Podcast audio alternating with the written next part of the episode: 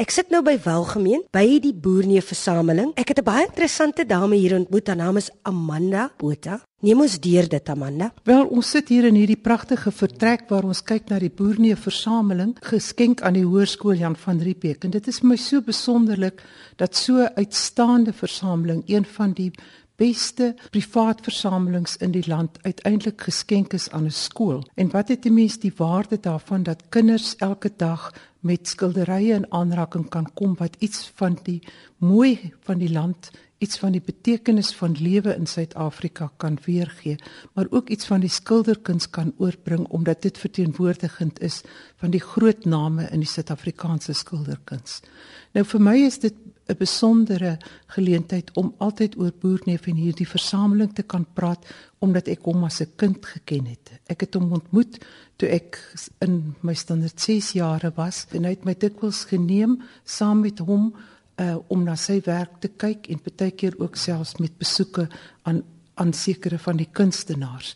En een van die wesentlike dinge wat ek onthou van daardie bepaalde tyd en dit is nou in my hoërskooljare by die hoërskool Jan van Riebeeck was die geleentheid om juis deur iemand soos Boerneef en die wêreld waaraan hy my deur die skilderkuns bekend gestel het te kan kyk na werk en te besef hoe belangrik dit is dat uh, hierdie werk nie net sy werk nie maar skilderwerk 'n belangrike bydrae lewer tot die innerlike verfyning van menswees, maar ook tot 'n beter begrip van die wêreld waarin ons woon, ons land en sy mense met 'n spesiale waardering aan ons besondere landskap. Sonder dat ek dit eintlik toe besef het, moet ek sê dat ek wat my hele lewe lank betrokke is by die skilderkuns, self nie 'n kunstenaar is nie, uh, maar as kunsjoernalis en skrywer moet ek sê dat al my gedagtes rondom die skilderkuns en die beroep wat ek volg eintlik sy vorming gehad het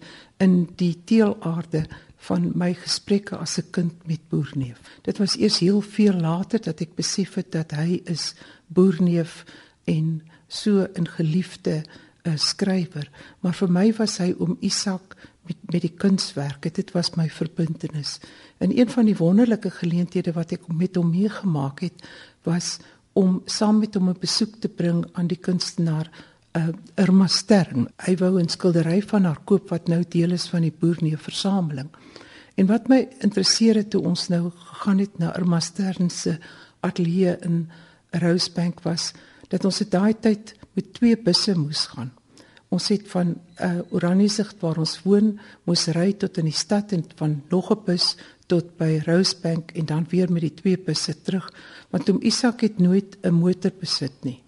Hy het ook nooit oor see gegaan nie, want hy het gesê dat hy wil al sy geld spaar en gebruik om sy kunswerke aan te koop. En wat 'n fantastiese erfenis, wat 'n nalatenskap om vandag hier te staan by van die heel beste kunswerke van vroeë kunstenaars wat ons in Suid-Afrika kan hê. Amanda, hoekom is hierdie reeks so spesiaal? Oom Isak of Boerneef dan se spesiale kunsversameling. Dit is maar min of meer die helfte van sy groot versameling, die ander is sy familie besit.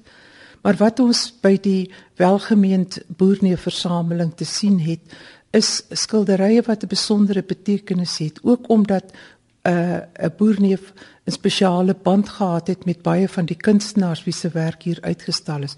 Dit is ook gekoop van die kunstenaar self, besoeke aan die aan hulle ateljee's en vriendskappe met hulle. En mens kry dit dan ook 'n baie besondere manier waarop uh, hy die fyn woordkunstenaar kon kyk na die skilderkuns, na die beeldende visuele aspekte van landskap, blomme ensovoorts. Mens kry hier dis 'n besondere beeld ook van hoe 'n boerneef nie net met woorde sou omgegaan het nie, maar veral hoe hy ook visueel 'n uh, vir hom verbeel het in bepaalde skilderye. 'n Hele paar van sy gedigte is ook gebaseer op sommige van die van die kunswerke wat hier hang. En dit wys 'n mens dat daardie naby verbintenis tussen woord en visuele beeld 'n bepaalde waarde gehad het in Boerneef se lewe. Hy was 'n besondere persoonlikheid geweest en hy was iemand wat op 'n manier homself amper miskien het want hy het destyds 'n reëling gemaak dat hy heel laat eers sou toelaat voordat sy werke gepubliseer is. En toe dit gepubliseer is het hy boonop 'n reëling gemaak dat dit nooit mag herdruk word nie. Dit was 'n hele gesukkel na sy dood om daardie klousules opgehef te kry sodat ons vandag en elke geslag hierna sal nog altyd plesier en verwondering hê in die woorde van Boerneef